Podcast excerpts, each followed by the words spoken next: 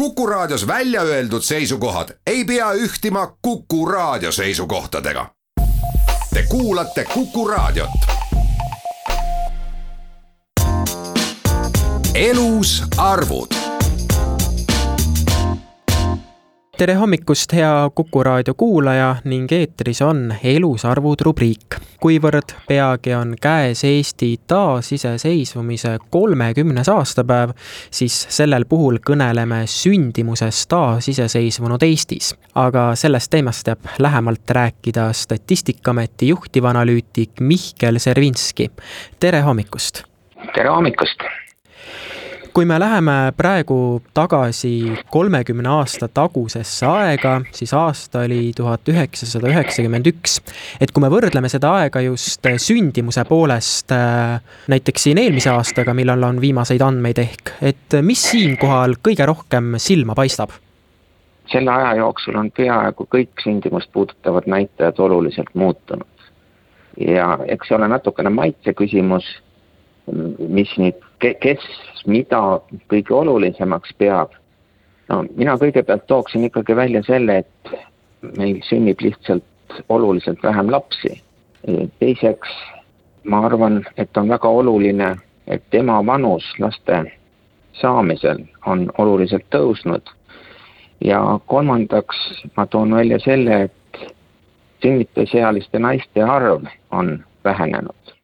kui vaadata näiteks seda ema vanuse sellist näitajat, et, et kuidas see on muutunud, et milline ta oli umbes kolmekümne aasta eest ja milline ta on siin viimastel andmetel? Enn-Liidu ajal, noh, ma olen lihtsalt piisavalt vana inimene, tuleb meelde, et öeldi, et kakskümmend kaks on viimane taks, mis tähendas seda, et kui naisterahvas ei olnud kahekümne kaheselt mehele läinud ja lapsi saanud, et siis tal hakkas selline vana tüdruku nimi juba kergelt külge tulema.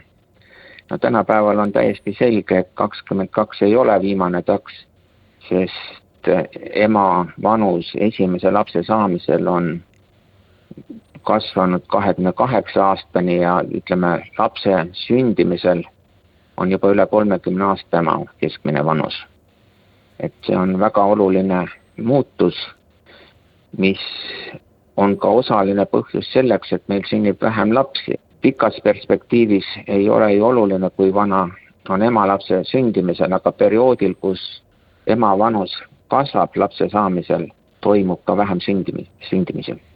kui me vaatame otsa sellele kolmekümneaastasele perioodile, millal on see sündimus olnud eh, kõige madalam ja millal ta on olnud kõige kõrgem? no kõige kõrgem või kõige rohkem lapsi on sündinud ikkagi perioodi alguses, see oli siis ütleme, laulma revolutsiooni järelmõju, sest sündide arv hakkas kasvama enne iseseisvumist. sellele järgnes suhteliselt kiire langus, üheksakümne kaheksandal aastal sündis Eestis kõige vähem lapsi, edasi on läinud kergete lainetena, üheksakümne kaheksale järgnes selline tõusuperiood, kaheksa, kahe tuhande kaheksa aastani. no kahjuks peab vist öelma, et võib olla alanud uus languse periood, sest viimasel paaril aastal on sündide arv vähenenud. küsimus oli siin muidugi sündimusest, sündide arv on üks sündimuse näitaja. et mina rõhutaksingi eelkõige seda absoluutarvu, palju sünnib, sest sündimuse näitajad aitavad prognoosida kõiki muid näitajaid, aga kooli läheb ikkagi konkreetne laps ehk see laps, kes on sündinud.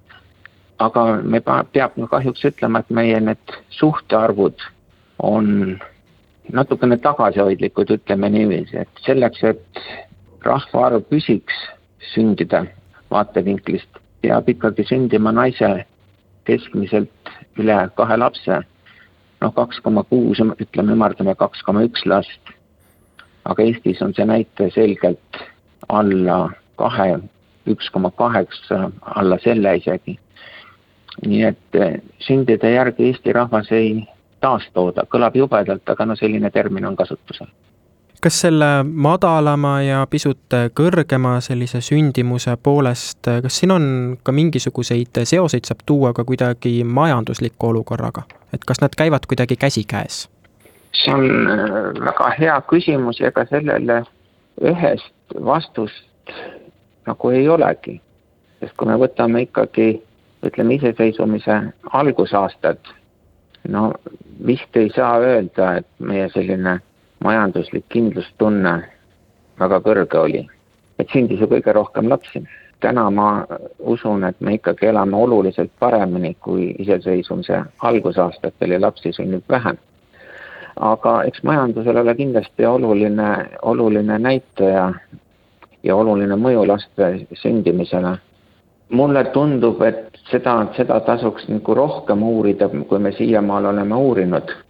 Sest eks lapsed sünnivad ikkagi sinna perre, kus on kindlustunnet, kus ollakse kindlad, et neid suudetakse kasvatada, et neile suudetakse haridus anda ja kui majanduslik olukord sellist kindlustunnet ei tekita, siis tõenäoliselt võib-olla esimene laps ei jää sündimata, võib-olla ei jää ka sündimata teine laps, aga kolmas ja neljas laps jäävad suure tõenäosusega sündimata. ja nagu ma juba ütlesin, et selleks, et ikkagi rahvaarv püsiks, on vaja ka naisi, peresid, kus kasvaks rohkem kui kaks last kui me vaatame aga rahvuse aspektist äh, seda teemat, et kui äh, suur osa sündinud lastest äh, on olnud just nimelt eestlased? no kõigepealt ma siin teen ühe sellise metoodilise täpsustuse, et me lapse rahvust sündimisel räägime siis ema rahvusest.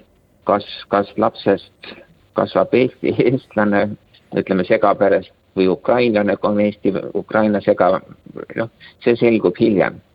aga kui me vaatame ema, ema vanuse järgi määrame lapse, lapse rahvust, siis see on natukene, tähendab sündide arvust natuke alla kaheksakümne protsendi on ja see on viimastel aastatel püsinud suhteliselt stabiilne. N-liidu perioodil oli see loomulikult väiksem, ikkagi selgelt alla seitsmekümne, mõned aastad isegi alla kuuekümne protsendi sündinud lastest olid eestlased ja taasiseseisvumise esiper-, esimesel perioodil oli siis see protsent üheksakümnelgedel, nii et selle protsendiga võib isegi ehk rahul olla, ütleme niiviisi. teinekord on aga nii, et, et ei sünni korraga üks laps, vaid sünnib korraga neid täitsa mitu, et et kuidas on just nimelt sellise mitmikute sündimise trendiga, et kas siin on ka mingisuguseid huvitavaid muutusi olnud näha?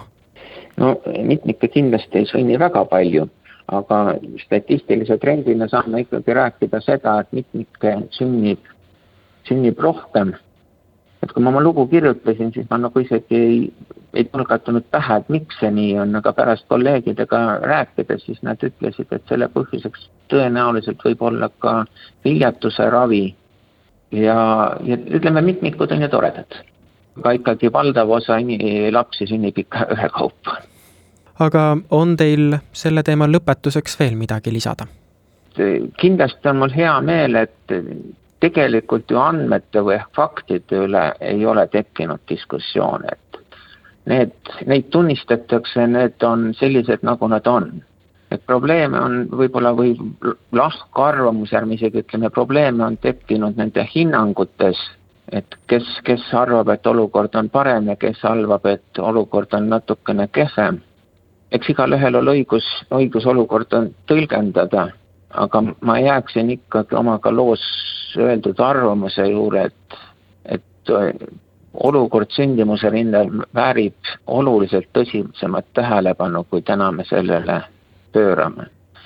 ja seni, kuni ikkagi sündimus jääb taastetasemest allapoole, kas natukene vähem või natukene rohkem, on ikkagi latt ületamata, ütleme siis niiviisi, et kui me võtame spordis ei ole vahet, kas me kõrgust hüppame jälle hästi kõrgelt üle lati või latt väriseb, et jääb püsima, et me oleme üle.